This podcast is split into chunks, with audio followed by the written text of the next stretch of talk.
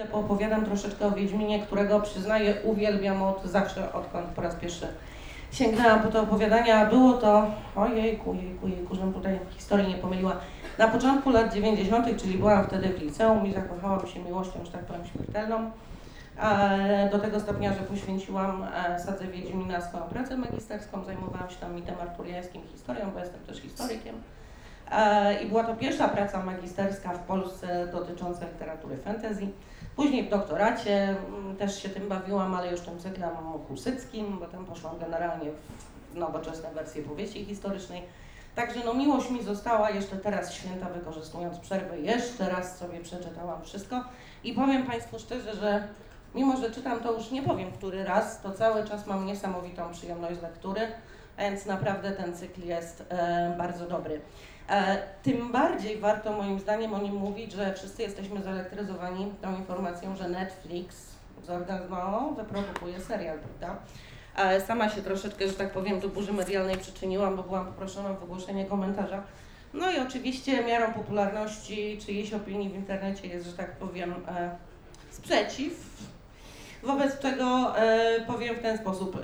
Ja akurat byłam zwolenniczką obsadzenia Ciri poprzez postać nie białoskórą. Ja bym obsadzała Indiankę na przykład. Dlaczego? A ja mówię to specjalnie, po to, żeby w jakiś sposób też Państwa trochę zelektryzować do dyskusji. Przede wszystkim dlaczego? Czy naprawdę jest tak, że każdy bohater literacki musi być białoskórym blondynem?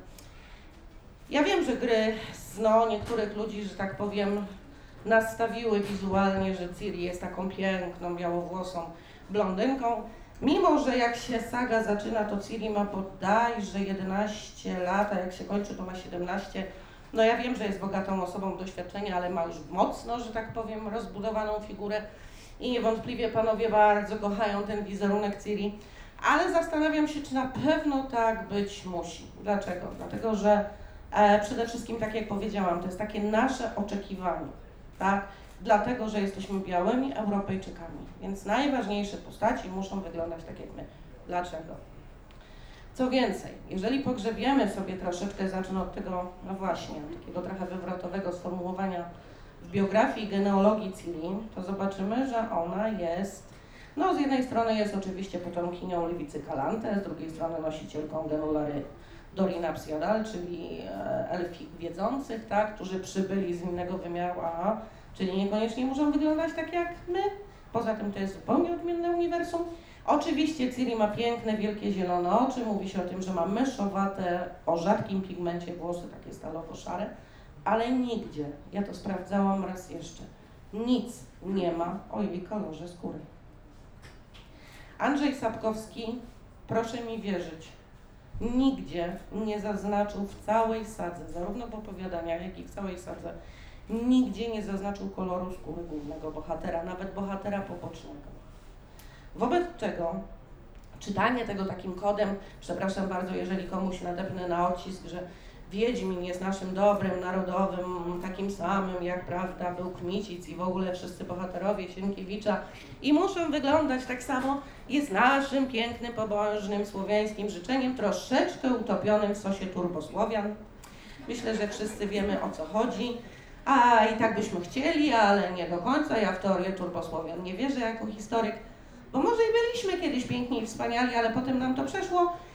A poza tym niestety nie zachowały się żadne dane historyczne, nie ma żadnych źródeł, że tak było. Więc to jest nasze po raz kolejny resentymentowo-postkolonialne jako narodu skrzywdzonego przez historię. Takie marzenie alternatywne. Ja się zajmuję historiami alternatywnymi, więc wiem co mówię.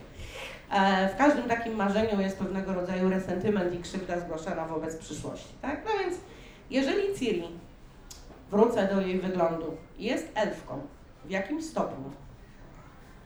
Co prawda Wysogota Skorwo, który miał możliwość zbadać ją, że tak powiem dokładnie, kiedy przebywała u niego na bagłach Pereblutu, napisał, że nie postwierdzono na podstawie cech zewnętrznych żadnych cech elfiej krwi, aż do kwateronki włącznie. Czyli nie ma cech do jednej czwartej krwi elfiej, ale to może znaczyć, że nie ma na przykład makły, ponieważ dojne od elfów różnią się między innymi tym, że mają kły. Nie ma szpiczastych uszu, ale nic nie ma o kolorze skóry. Kiedy ja się zastanawiałam, jak taka Ciri mogłaby wyglądać, to przyszła mi do głowy słynna fotografia Mona Lizy afgańskiej. Kobiety o bardzo pięknej, takiej powściągliwej urodzie z niesamowitymi wielkimi zielonymi oczami. Ona z tego czasu widniała na okładce National Geographic, była bodajże pasztunką z lekko oliwkową skórą. I ta lekko oliwkowa skóra, moim zdaniem, proszę Państwa, jest do udowodnienia jeszcze z jednego powodu. Ponieważ ojcem Cyrii jest Danii, czyli cesarz Van Emrys, tak? Emir Van Emrys, cesarz z Nilfgardu, czyli kraju położonego w tym świecie lekko na południu, w którego rejonach znajdują się również nieco pustynne klimaty, a tam ludzie zazwyczaj mają troszeczkę bardziej oliwkowy kolor skóry. Więc to jest kolejny dowód na to, że Ciri nie musi być białowłosa. No ale niestety Netflix się złamał. Moim zdaniem e, głównie przez właśnie falę protestów, która się przez internet przetoczyła. Moim zdaniem było to sądowanie rynku. Czy widzowie potencjalni chwycą taki pomysł, czy też zakrzykną, że tu zacytuję króla Henselta e, oraz, bo zaraz o tym też będę mówiła, oraz przede wszystkim Stefana Wyszyńskiego, kardynała non possumus, prawda?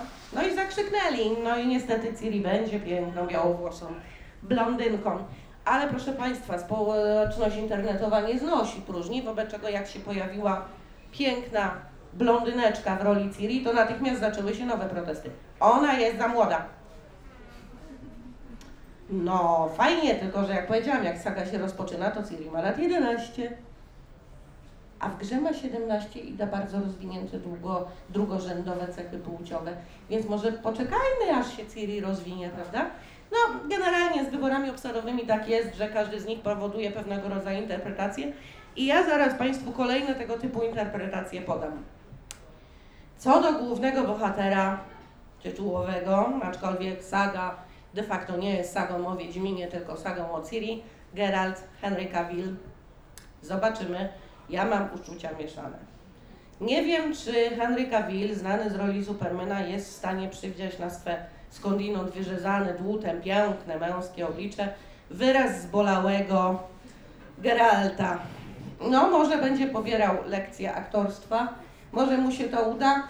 Ja bym w tej roli widziała, niestety to nie przeszło Matsa Mikkelsena. Wiem, że trochę za stary, ale no cholera, no ma wszystkie atrybuty Wiedźmina, no. No wszystkie. Wiedźmin poza tym, jego wiek, tu jest ciekawostka, jest nieokreślony. Ma białe włosy.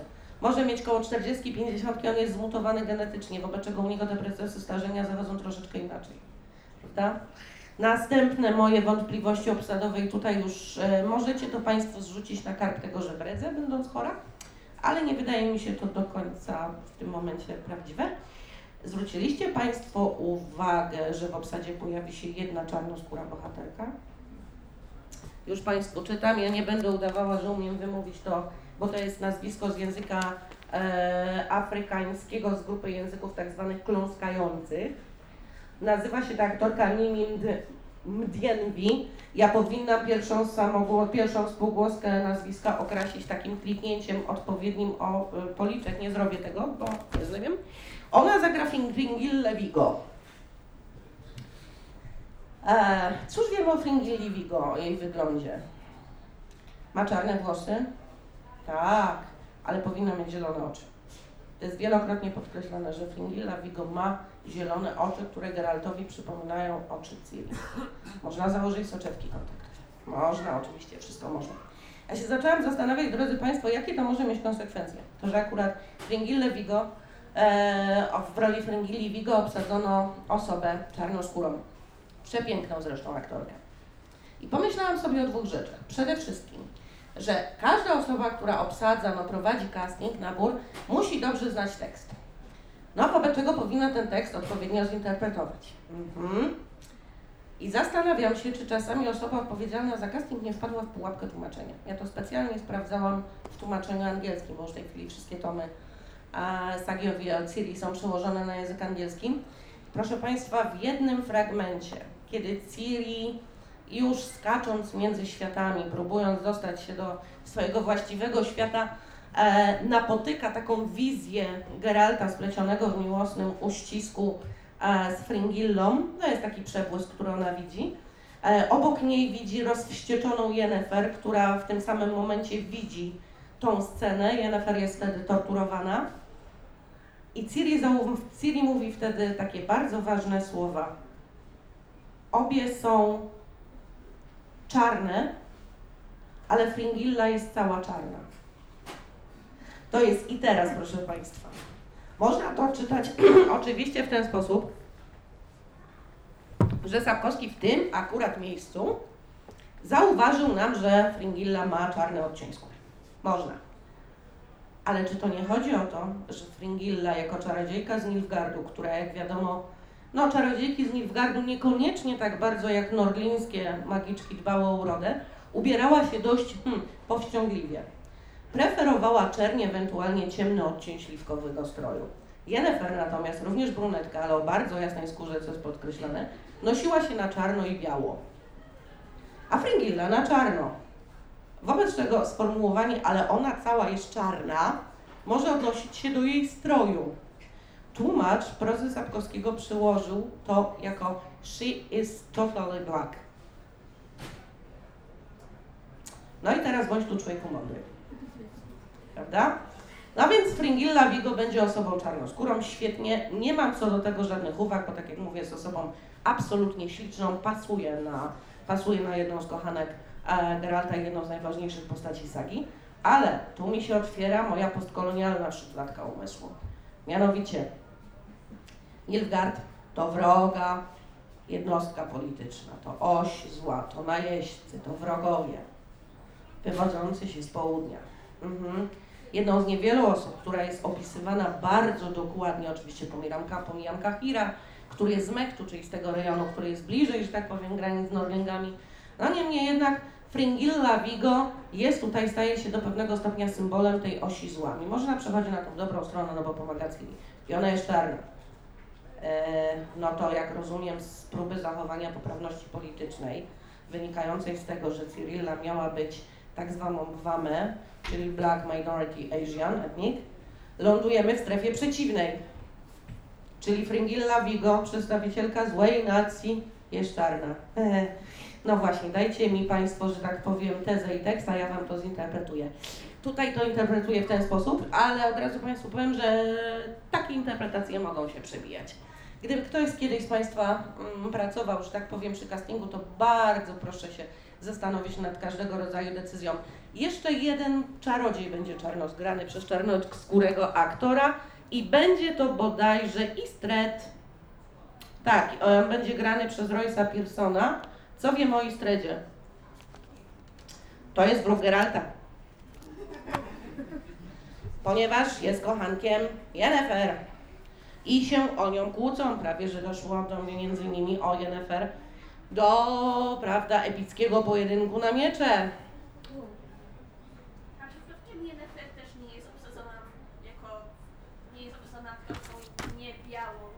Ania Charlotta, nie, biała. Ona wygląda tak na zdjęciu tak, Ona jest tak po, no kwateronka metyska, ale wydaje mi się, że raczej można tutaj mówić, sprawdźcie to sobie Państwo w internecie. Na pewno nie ma takich bardzo, że tak powiem, wyrazistych cech, no raczej powiedziałabym, że taka może południowa uroda.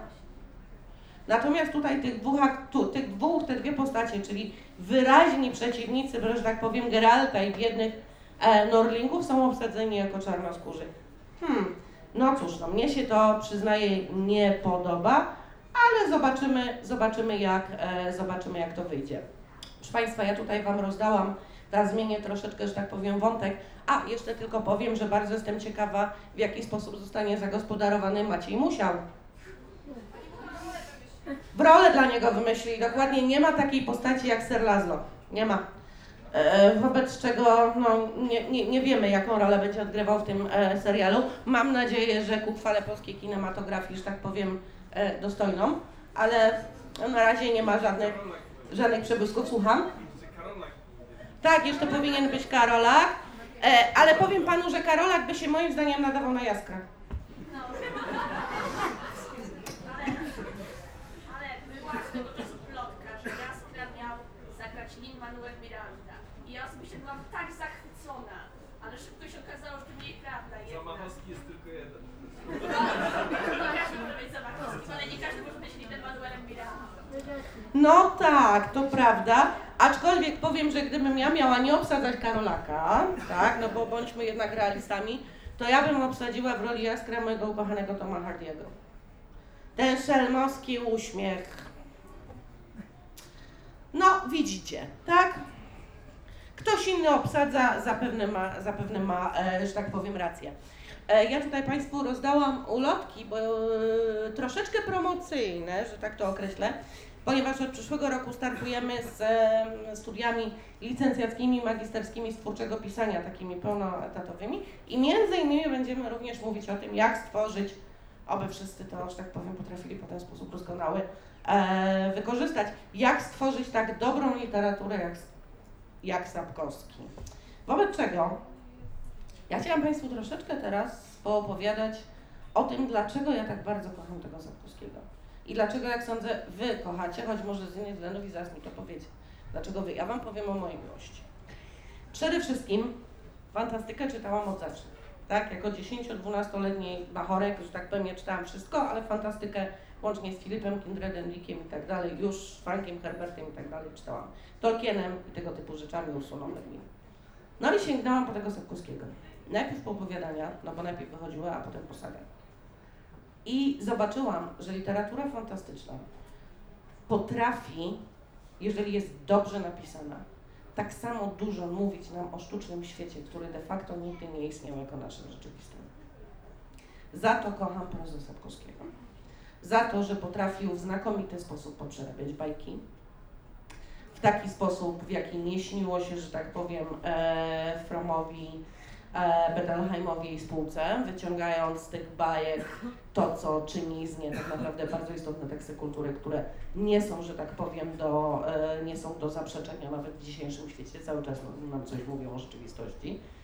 A przede wszystkim dlatego, że im dalej w las, im dalej w kolejne teksty Sapkowskiego, tym bardziej wychodzi z niego zgorzkniały, rozczarowany naszym światem człowieka, który nie boi się mówić o emancypacji kobiet, który się nie boi zajmować stanowiska w kwestii tego, czy macica jest, że tak powiem, prywatnym organem kobiety, czy też nie, kazus Milwy, takiego, który nie boi się pokazywać, że państwa, rządy i tak dalej, wszystkiego tego typu instytucje zrobią wszystko, byleby tylko uzasadnić swoje własne żądania i pragnienia.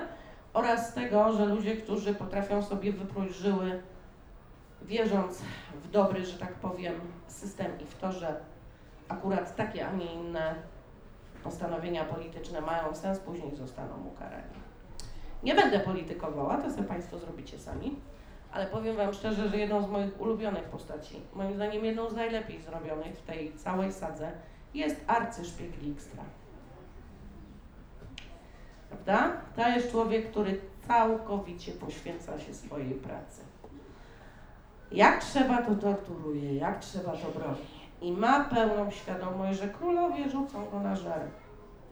Ale robi to, co musi, ponieważ wie, że taka jest jego rola.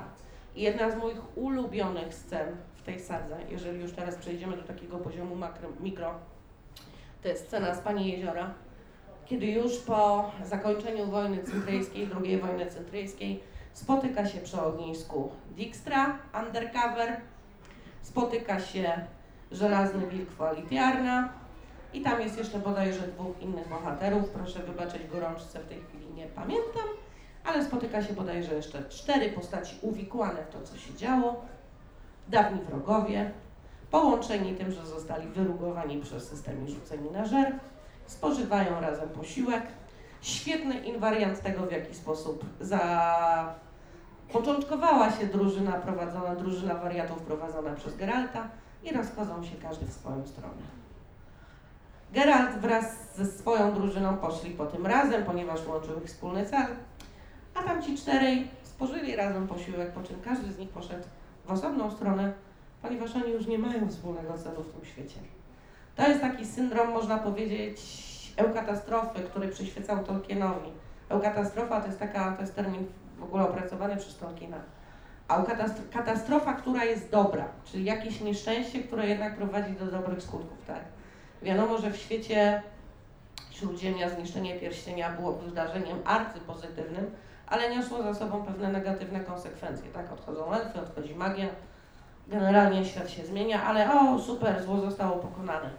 U Sapkowskiego jest podobnie, tylko że on jest bardziej zgorzniały niż Tolkien. No może dlatego, że Tolkien był gorliwym katolikiem i starał się ten optymizm przemycić, no oczywiście nie tak jak Victor Staples Lewis, ale jednak tutaj mamy tą małą katastrofę, tak, ale to jest bardziej katastrofa niż eukatastrofa, ponieważ ten świat się rozpada dosłownie na naszych oczach. Ale dzięki temu, kiedy kończy się saga o Wiedźminie, to nie wiem, czy Państwo tak macie, ale ja zawsze mam natychmiast ochotę sięgnąć do pierwszej strony, pierwszego opowiadania i wejść w ten świat po raz kolejny. Czytać to, tak? Zapomnieć o tym, że to się rozpadło na moich oczach. E, I to jest dobrze zrobiona literatura. Może zwróciliście Państwo uwagę, jak Sapkowski to pisze. Może tu się podzielimy wspólnie przemyśleniami. Dla mnie Sapkowski, oprócz tego, co powiedziałam, czyli tego, że potrafi w sposób znakomity takie pisać podwójnie statutowo, czyli pisać zarówno o tym uniwersum, które jest bardzo dobrze przemyślane, które jest koherentne, bo najważniejsze jest to, żeby świat literacki, czy to fantastyczny, czy jakikolwiek inny był koherentny, czyli żeby był wewnętrznie spójny, potrafi to świetnie napisać. Ja na przykład kocham jego manierę pisania z retardacji. Zwróciliście na to uwagę? Kiedy rozpoczyna się każdy rozdział, tak, lądujemy, że tak powiem, w punkcie przyszłości. Już pewne rzeczy się dokonały, pewne gesty zostały wykonane, tak, role zostały rozdane i następnie mamy retardację, czyli omawianie tego, co doprowadziło do takiego stanu rzeczy. Dzięki temu Sapkowski funduje nam coś, co się cały czas niestety tylko po angielsku nazywa, czyli tak zwane cliffhangery. Przypominamy sobie, nabywamy wiedzę o tym, jak to się stało i zgryzamy palce, żeby się dowiedzieć, co było później. Przeszłość miesza się z, przeszłość miesza się z przyszłością i z teraźniejszością. U Sarkowskiego ten motyw zazębiania się przeszłości i przyszłości jest bardzo ważny. To jest ten motyw Uroburosa. Coś się kończy, coś się zaczyna. W każdym momencie rzeczywistości dotykamy przeszłości i dotykamy przyszłości. Ale czy może być inaczej w świecie, który jest tak bardzo zapętlony czasowo? Zobaczcie Państwo, że kolejny bardzo istotny sposób, w jaki Sapkowski pisze i kreuje swoją prozę, można było obserwować już jeszcze tak naprawdę przed opowiadaniami o Wiedźminie. Pamiętacie Państwo opowiadanie Złote Popołudnie? To o Alicji w Krainie Czarów, Scottem Cheshire jako głównym bohaterem jest znakomite. Ja zawsze rozmawiam o tym opowiadaniu ze studentami, dlatego że Sapkowski zrobił majstersztyk. To znaczy, w tym opowiadaniu, oprócz tego, że, tak jak mówię, narratorem jest najbardziej tajemnicza postać, czyli Coach Cheshire, macie taką oto sytuację, że Alicja Lidl, czyli ta, która będzie Alicją z Krainy Czarów, jest znana jako Alicja z Krainy Czarów, bo wiadomo, że ta bohaterka miała swój odpowiednik faktyczny, Charles Ludwig Dodson, czyli Louis Carroll. No, widział taką bardzo ładną, młodą dziewczynkę, że miał skłonność do nimfetek, o czym wszyscy wiemy, bo zostały znalezione pewne zdjęcia, które mm, no niestety uczyniły z Louisa Carola ofiarę, że tak powiem, na miarę Lolity Nabokowa. No miał skłonność do młodych dziewcząt, ale unieśmiertelnił tę Alicję Lidl w swoim opowiadaniu. Ta Alicja Lidl ląduje w Wonderlandzie, czyli w krainie czarów, tak? Po czym Shire, widząc to nieznośne dziewczę w lesie, bo to dziewczę jest strasznie nieznośne, tam jest jedna z moich ulubionych klas, co może być gorszego od idioty w lesie? To może być tylko idiotka w lesie. Tak? E, idiotka w lesie charakteryzuje się tym, że każdemu napotkanemu kamieniowi mówi dzień dobry, mówi do kota jakby go znała osobiście, robi strasznie dużo hałasu i nie pozwala rozkoszować się z cudownym farniętem, wyciągnięciem się na konarze i podziwianiem przyrody, prawda? I robi dużo laboru. Wobec czego kot Cheshire, jednak w sumie bardzo porządna kocia persona, postanowił tą Alicję, że tak powiem, po to, żeby zapewne mieć spokój u siebie w lesie, postanowił on prowadzić do jej własnego świata. Wobec czego Colchester przeszedł do świata Alicji w Krainie Czarów, do Oxfordu w XIX wieku, znalazł Louisa Dodsona, Charlesa Louisa Dodsona i powiedział mu, że nad Alicją trzeba odprawić pewnego rodzaju czary, że tak to nazwijmy, ponieważ Alicja podczas przejażdżki łódką wpadła była do e, rzeczki i znajdowała się w malignie, miała ciężką grypę i generalnie znajdowała się w takim stanie jak ja. Tylko, że zapadła w śpiączkę. I to Colchester opowiada Charlesowi Ludwigowi Dodsonowi, jak Alicja zachowuje się w Wonderlandzie. Charles Ludwig Dodson przy pomocy kota Cheshire wyciągają Alicję z maligny, po czym Charles Ludwig Dodson pod pseudonimem Alicja w Krainie Czarów opowiada historię małej Alicji Lidl, która odkryła poprzez chorobę krainę czarów. Cudowne, dlatego że on pokazał, jak gdyby w ten sposób, pokazując tą wcześniejszą historię, on uwiarygodnił świat Alicji w krainie czarów. To już nie jest świat wytworzony, to jest świat, który faktycznie istniał. Co więcej, w ten sposób e, czytelnicy zaczynają wierzyć, że może było tak, jak to Sapkowski napisał. Przecież nie mamy możliwości tego sprawdzić. A jeżeli zarówno Alicja, jak i Dodson byli postaciami historycznymi, to może cholera było właśnie tak. I to jest maniera, w jaką, dzięki której Sapkowski uwiarygadnia swoje światy. Zrobił to również w opowieści o Ciri, łącząc świat Wiedźmina ze światem arturiańskim. Ja jestem wielbicielką legendy arturiańskiej. Znam chyba wszystkie jej wersje, rozczytuję się w tym po prostu namiętnie. I powiem szczerze, że to, co zrobił Sapkowski, to jest absolutny majstersztyk. Dlatego, że wiemy doskonale, że mit arturiański jest jednym z najważniejszych, takich założycielskich, można powiedzieć, dla świadomości Europejczyków zachodnich. Nie tylko dla Wysp Brytyjskich, tak? Sapkowski w takim słynnym swoim bardzo, że tak powiem, złośliwym eseju Piruk, czyli nie ma złota w górach czarnych, był kiedyś łaskaw powiedzieć, że nie może być nigdy fantazji słowiańskiej, ponieważ wszystko, co najważniejsze w fantazji jest wywiedzione z mitu arturiańskiego. Potem oczywiście swój świat nasycił pewnymi elementami mitologii słowiańskiej, aczkolwiek ona nie jest najważniejszą z tam obecnych, ale wkomponował w ten świat Ciri, Wiedźmina, a również mit arturiański. On to zrobił bardzo dyskretnie. Kiedy po raz pierwszy pojawia się informacja o świecie arturiańskim?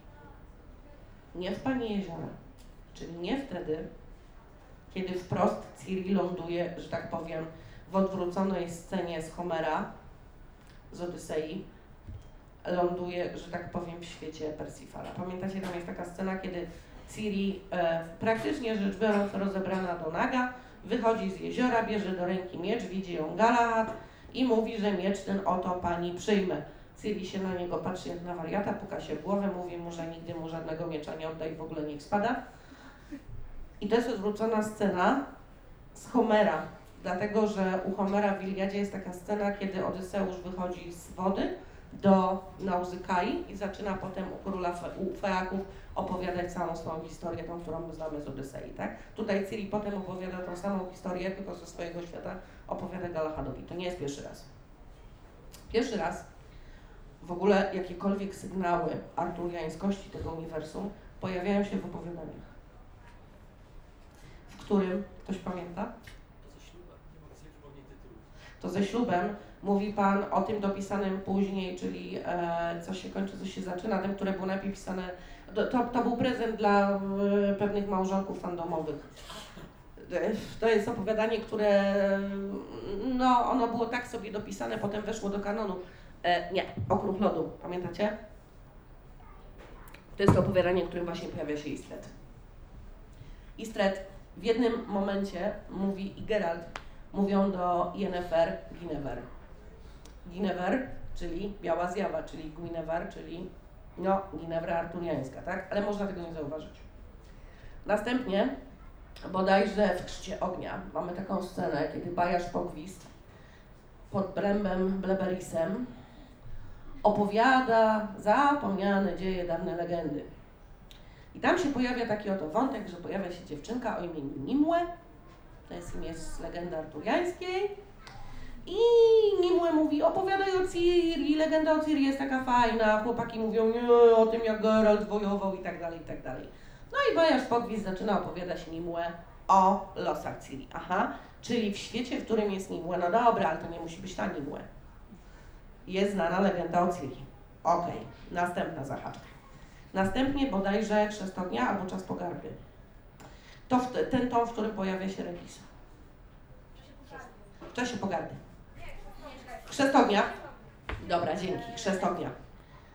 Tam jest, pamiętacie, taka słynna scena, kiedy, zresztą Regis to jest moja absolutnie ukochana postać, czyli wampir będący uosobieniem człowieczeństwa. E, pojawia się taka scena, w której jeszcze nie drużyna, jeszcze nie było tej polewki na szczupaku, ale już prawie drużyna, dostaje się do chaty, e, do chaty Regisa i wszyscy uchlewają się bimbrem z tak, z czyli z, z Mandragory, który zawiera skopolaminy, a więc rozwiązują się języki. No i co tam się dzieje? Tam się pojawia, tam jest taki bardzo fajny gnom, nazywający się notabene Persil Schuttenbach, który jak się uchlał dobrze tym bimbrem z to jak to każdy gnom zaczyna bredzić o kamieniach. My wiemy, że oni tam ukrywają, zakopują kamienie na swoją przyszłość, nie? Ale on zaczyna w pewnym momencie bredzić o mleczno-białym pucharze wyrzezanym z opala z jednego kawałka kamienia znalezionym na górze Monte Salvat. I to jest, proszę Państwa, bardzo wyraźny sygnał wchodzenia legendy arturiańskiej do tego świata. Dlatego, że według niemieckiej wersji Wolframa von Eschenbach Gral nie był pucharem, do którego zebrano, no pucharem takim powiedziałabym kielichem rybaka, do którego zebrano krew umierającego Jezusa, tylko był właśnie wyrzezany z jedno, z wielkiego mlecznego opalu. I znajdował się na górze Monte Salvat, to są echa herezji e, i góry Monsegir, tak, to, to są era, znaczy to są echa e, herezji Katarów. Następny mamy sygnał. Dobra. Następnie bodajże w wieży jaskółki pojawia nam się świat elfów, tak? Ten świat elfów NL z baśni, e, z baśni Goethego i tam pojawia się król Oberon Murgerdach. To jest również postać wywiedziona z legendy arturiańskiej. I to ten, który uświadamia Ciri, że ona jest królową światów, że dla niej nie ma, oczywiście tam jeszcze Eredin i Avallach notabene. Avallach kojarzy imię kojarzące się z Avallonem, czyli jest wyspą Jabłoni. Uświadamiają Ciri to, że ona właśnie jest tą królową przeznaczenia, że ona jest bramą, dla niej nie ma granic światów ani granic czasów. A następnie w Pani Jeziora pojawia się postać o imieniu Kondwira Murs to jest według legendy arturiańskiej, według wersji Parsifala von Eschenbach, żona Parsifala. Tylko, że w wersji Sapkowskiego Kont Viramurs jest najbardziej e, opętaną legendą o Ciri, uczennicą szkoły czarodziejek, która przyjmuje na swoją pomocnicę małą czarodziejkę, znaczy Nimłę, przepraszam, to, to mówi temperaturę za mnie. Bardzo Was przepraszam. E, Nimue jest opętana legendą o Ciri i ona przyjmuje na swoją uczennicę niejaką Kontrviramus, która jest co prawda, skończyła Akademię Magiczek z drugą lokatą, ale za to jest najlepszą śniączką w Akademii. Jej dar polega na tym, że potrafi wśnić się w daną historię, śniąc na zahaczkę, na obraz, na cokolwiek i wyświetlić białe legendy, białe plamy w legendzie. Później Nimue i Konwiramurs pomagają, bo Nimue zakochała się w legendzie o Ciri po raz pierwszy jako mała dziewczynka, słuchając pod bębem, dębem bleberisem historii Bajarza Pogwizda. Może jakiś daleki, że tak powiem, spadkobierca Jaskra, któż to wie, a może Jaskier na starość, nie wiemy, to się nigdy nie wyjaśni, choć nie sądzę, by był to Jaskier. Eee, a później, będąc już na Inis Vitre, czyli również lokacja z legendy arturiańskiej, gdzie mieściła się szkoła czarodziejek, kiedy odbywa być może swój pierwszy kontakt seksualny, Nimue widzi przejeżdżającą, taką przez chwilę przejeżdżającą postać małej wiedźminki na czarnej klaczy o imieniu Kalpi, która przedostaje się, przedostaje się przez jakiś woal światów i znika, i znika gdzieś daleko. E, oczywiście będący wtedy z Nimue młody chłopak ma wrażenie, że Nimue tak krzyczy, ponieważ on jest taki męski i wspaniały, jest jej tak dobrze, a tymczasem ona chce pomóc tej właśnie przejeżdżającej mm, Wiedźmince Ciri, prawda? A później opętuje, jest już całkowicie opętana tą legendą, przyjmuje Konwiramus na swoją uczennicę i wspólnie śnią te białe, wypełniają białe plamy z legendy. I teraz, drodzy Państwo, te dwa światy się ze sobą łączą, ponieważ Ciri trafia w końcu na dwór Galahada, prawda? Czyli trafia prawdopodobnie na dwór króla Artura. Sapkowski zamyka zasłony, nie wiemy się, czy, nie dowiemy się, czy tam trafiła i co się tam wydarzyło. Ale zwrócę Waszą uwagę na jeszcze jedną rzecz. Jeżeli wszyscy tak jak tu jesteśmy, wiemy, że legenda arturiańska jest jednym z najważniejszych tekstów europejskich. Co do tego nie może być niezgody. A Sapkowski tak to kreuje, że podkreowuje w zasadzie legendę o Ciri pod legendę arturiańską, to wiedząc, że nie jesteśmy w stanie zaprzeczyć pewnym rzeczom z legendy arturiańskiej, ponieważ nie mamy danych historycznych do tego, to być może również nie jesteśmy w zaprzeczyć temu, że tam pod tym jest legenda o Ciri. To mi przypomina tą scenę, to mi przypomnicie, ale to jest chyba w wieży jaskółki. Kiedy Geralt trafia do elfa Awalaka i widzi jak ten zamalowuje w jaskini, to takie trochę dalekie echa platońskiej jaskini, maluje te niebieskie bizony, tam dopowiada, że jeżeli, które mają zasłonić elfią nekropolię, Tinam Beorein, tak? Bo to jest tak święte miejsce dla elfów, że trzeba je zakryć kamieniem, namalować tam jakieś dziwne bizony, łowców. Geralt dopowiada, żeby jeszcze tym łowcom dać wielkie penisy, to wtedy ludzie już tego na pewno nie ruszą, bo to będzie taki dowód wielkości, prawda, gatunku homo sapiens. I w ten sposób zostaje zasłonięta prawda o tym świecie, na którym kiedyś były elfy. Ten opis tych wymalowanych niebieskich bizonów to jest nic innego jak paleolityczne rysunki ze świątyń Lascaux czy z Altamiry, więc początek gatunku homo sapiens, prawda? Czyli to się zaczyna nam, te szkatułeczki zaczynają nam się w siebie, że tak powiem, wsuwać. Czyli wierzymy w legendę o Ciri, bo wierzymy w legendę o świecie króla Artura. Co więcej, zobaczcie, że my nie możemy temu zaprzeczyć. Dlaczego? Nie możemy powiedzieć, ale ja sobie, znaczy możemy, ale Sapkowski to zrobił tak, że to byłoby bardzo trudne. Wszystko, co my tak naprawdę dowiadujemy się od pewnego momentu o świecie Ciri, jest tylko i wyłącznie postmodernistyczną wizją z wizji wyczytanej w zwierciadle. Ponieważ to są domysły śpiączki Convira patrzącej na reprodukcje malarskie, które to reprodukcje w jakiś sposób uwidaczniają coś, co było legendą, ale nigdy nie wiedzą, jak ci ludzie wyglądali naprawdę, ani co się wydarzyło. Więc to jest kolejnego poziomu kreacja. Literatura fantastyczna potrafi być literaturą postmodernistyczną. Tak? Taką gdzieś zdzier... no, no to są bodriardowskie symulakry, tak? Tutaj jest, są, podejrzewam, że sporo humanistów, więc wiecie Państwo, o co chodzi. A coś takiego jest najtrudniej, temu jest najtrudniej, że tak powiem, e, zaprzeczyć. Co więcej, to co na przykład dzieje się z e, Geraltem, z Jaskrem i z całą Dryżuną, wspaniała historia bitwy, e, bitwy na moście i tak dalej, jest nam znana tylko i wyłącznie z jednej relacji. Z relacji uwielbiającego konfabulować Jaskra, który pisze pół wieku poezji. Napomniany przez Regisa najpierw miało być 50 lat poezji, ale Jaskier mu podpowiedział, znaczy Regis mu podpowiedział, że pół wieku będzie brzmiało lepiej.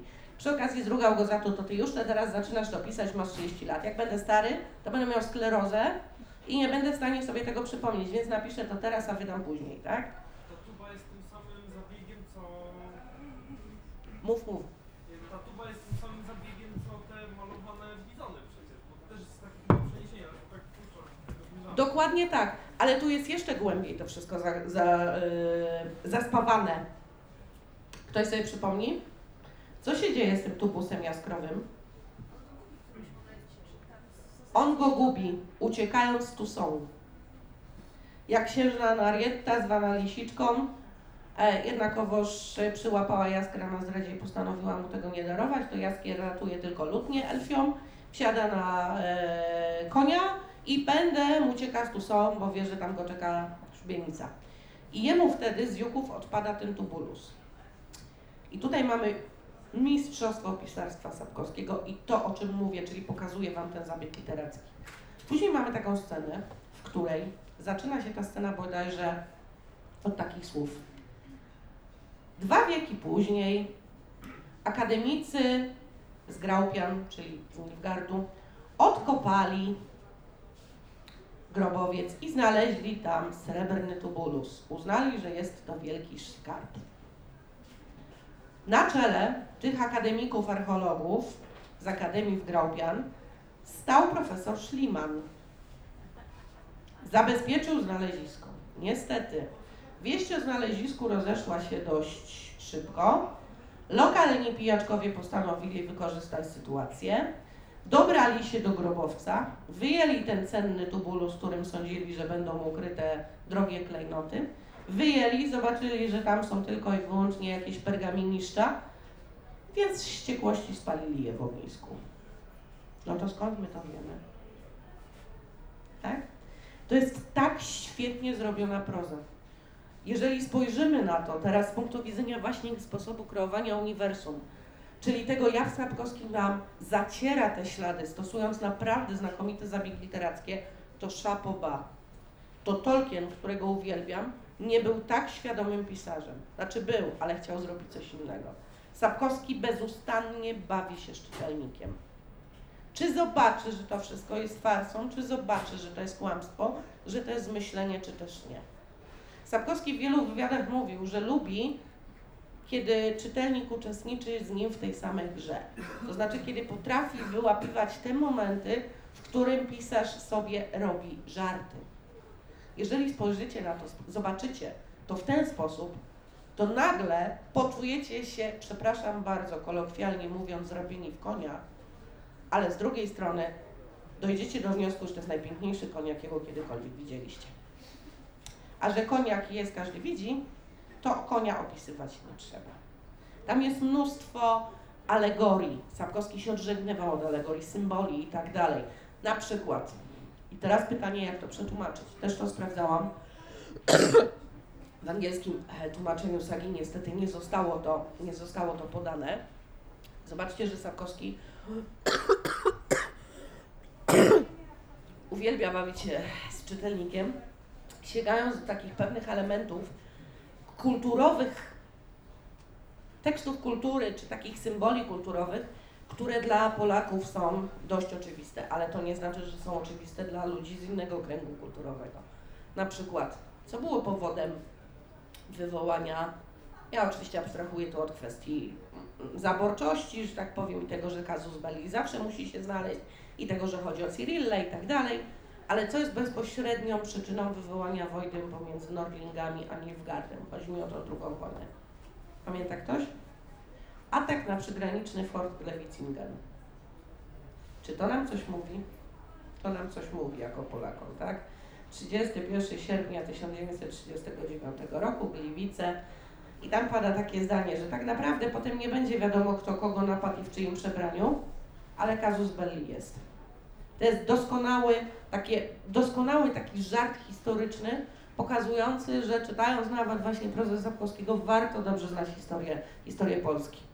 Ten król Henselt, który podczas zawierania pokoju cyntryjskiego krzyczy non possumus, zachowując się przy okazji jak karzeł jak małpa skacząc i tak dalej, i tak dalej, to jest bezpośrednie odwołanie do słynnych słów Stefana Wyszyńskiego, tak? Tylko, że w radykalnie zmienionym kontekście. Dalej, jakie znajdziemy jeszcze takie kolejne, że tak powiem, elementy drobnej historii? Może zwróciliście uwagę na to, że również pewne lokacje geograficzne są tak zrobione, żeby coś czytelnikowi, że tak powiem, przypominały. Ja już abstrahuję od y, haseł, które na przykład pojawiają się na murach w czasie wojny, tak? czy na przykład zapluty każą reakcji i tak dalej, no to jest idealne odwołanie do, plakat, do plakatów czasów po II wojnie światowej komunistycznych, tak? Ja abstrahuję od tego, że Geralt prawdopodobnie, ale ja wolę, wolę wierzyć w wersję tego, że żyją na Awalonie, zginął podczas rzezi krasnoludów, tak? To jest, gdzie to było, przypomnijcie mi? Gorączkę mam i w tej chwili nie pamiętam. To jest ta ostatnia, to jest Pani Jeziora, są ostatnie, e, ostatnie sceny. Sprawdzicie sobie. Ktoś pamięta? W Rivi, w Rivi, tak, czyli w tym miejscu, do którego, z którego Geralt się nazwał, potem dostał, został herbaw, znaczy mianowany herbawym rycerzem przez królową e, Liwię i tak dalej. No, ironia nam wzrasta, bardzo, bardzo dziękuję. To słuchajcie, odwołanie do niczego innego, jak do pogromu żydowskiego z Kiel z 1946 roku. Tak? E, ale powiedziałam o lokacjach geograficznych. Kojarzycie Lanexeter, czyli stolicę Kowiru? Miasto położone na wyspach, do którego dopływa się tylko i wyłącznie wodą, gdzie mamy dość morowe powietrze. Miasto bardzo bogate, cała historia Kowiru to jest historia kupiectwa, statków itd., tak itd. Tak to jest Wenecja. Sapkowski w ten sposób, opisując Lanexeter, opisuje tak naprawdę Republikę Serenissima Republika di Venezia, tak? czyli jeden z największych podmiotów handlowych e, i średniowiecza, i później wieków, e, wieków odrodzenia. A w jaki sposób to wychwycić? Macie przede wszystkim te kanały, bo jak miasto położone na wodzie, no to Wenecja nam się otwiera, tak? Dalej, bardzo wąskie frontony domów, bo podatek płaciło się od szerokości frontu domu, tak jak w Wenecji. A teraz Wam to udowodnię na 100%. Pada nazwa monety, Bizant. Wszystko w Kowirze przelicza się na Bizanty. Król Esterat Tyson, po prostu jego metoda liczenia jest moją ukochaną, czyli mieć 2000 i nie mieć 1000 na 2000 to razem 4000. Uwielbiam to. E, Szkoci mogliby się od niego uczyć. Niemniej jednak on wszystko przelicza na Bizanty. Bizant to była moneta, którą płacono właśnie w Wenecji i to była moneta pochodzenia z Imperium Bizantyjskiego, z Cesarstwa Bizantyjskiego. Bizancjum było największym partnerem handlowym Wenecji w tym czasie. Po co Sapkowski to robi? Dla fanu, tak, na pewno. Żeby się zastanawiać, ilu moich czytelników będzie takich mądrych jak ja. On uwielbia takie rzeczy. Na spotkaniach autorskich pewno byliście, wiecie, że też to uwielbia trenować, tak? Ale no, no, możemy sobie być tacy inteligentni jak on, a co nam szkodzi, prawda? Ale robi to jeszcze z jednego powodu. Wtedy nawet średnio historycznie wykształcony człowiek, jak ma szczątkową wiedzę, to nie, mus, to nie trzeba wszystkiego idealnie dokładnie opisywać, ponieważ wyobraźnia i wiedza człowieka czytającego dorobi to za autora. I ten świat będzie dużo bardziej dokładny, wiarygodny i głęboki. E, dlatego, jak będziecie jeszcze raz czytać Sapkowskiego, to razy zwrócić uwagę na wszelkiego rodzaju właśnie analogie, alegorie e, do faktycznie istniejących postaci, do wydarzeń historycznych, do legend arturiańskiej, po to, żeby sobie uzmysłowić, jak dobrą ten facet wykonał robotę i o przy okazji, jacy wy jesteście inteligentni, że to widzicie. Ja bardzo dziękuję, ja już po prostu umieram. Jeżeli są jakieś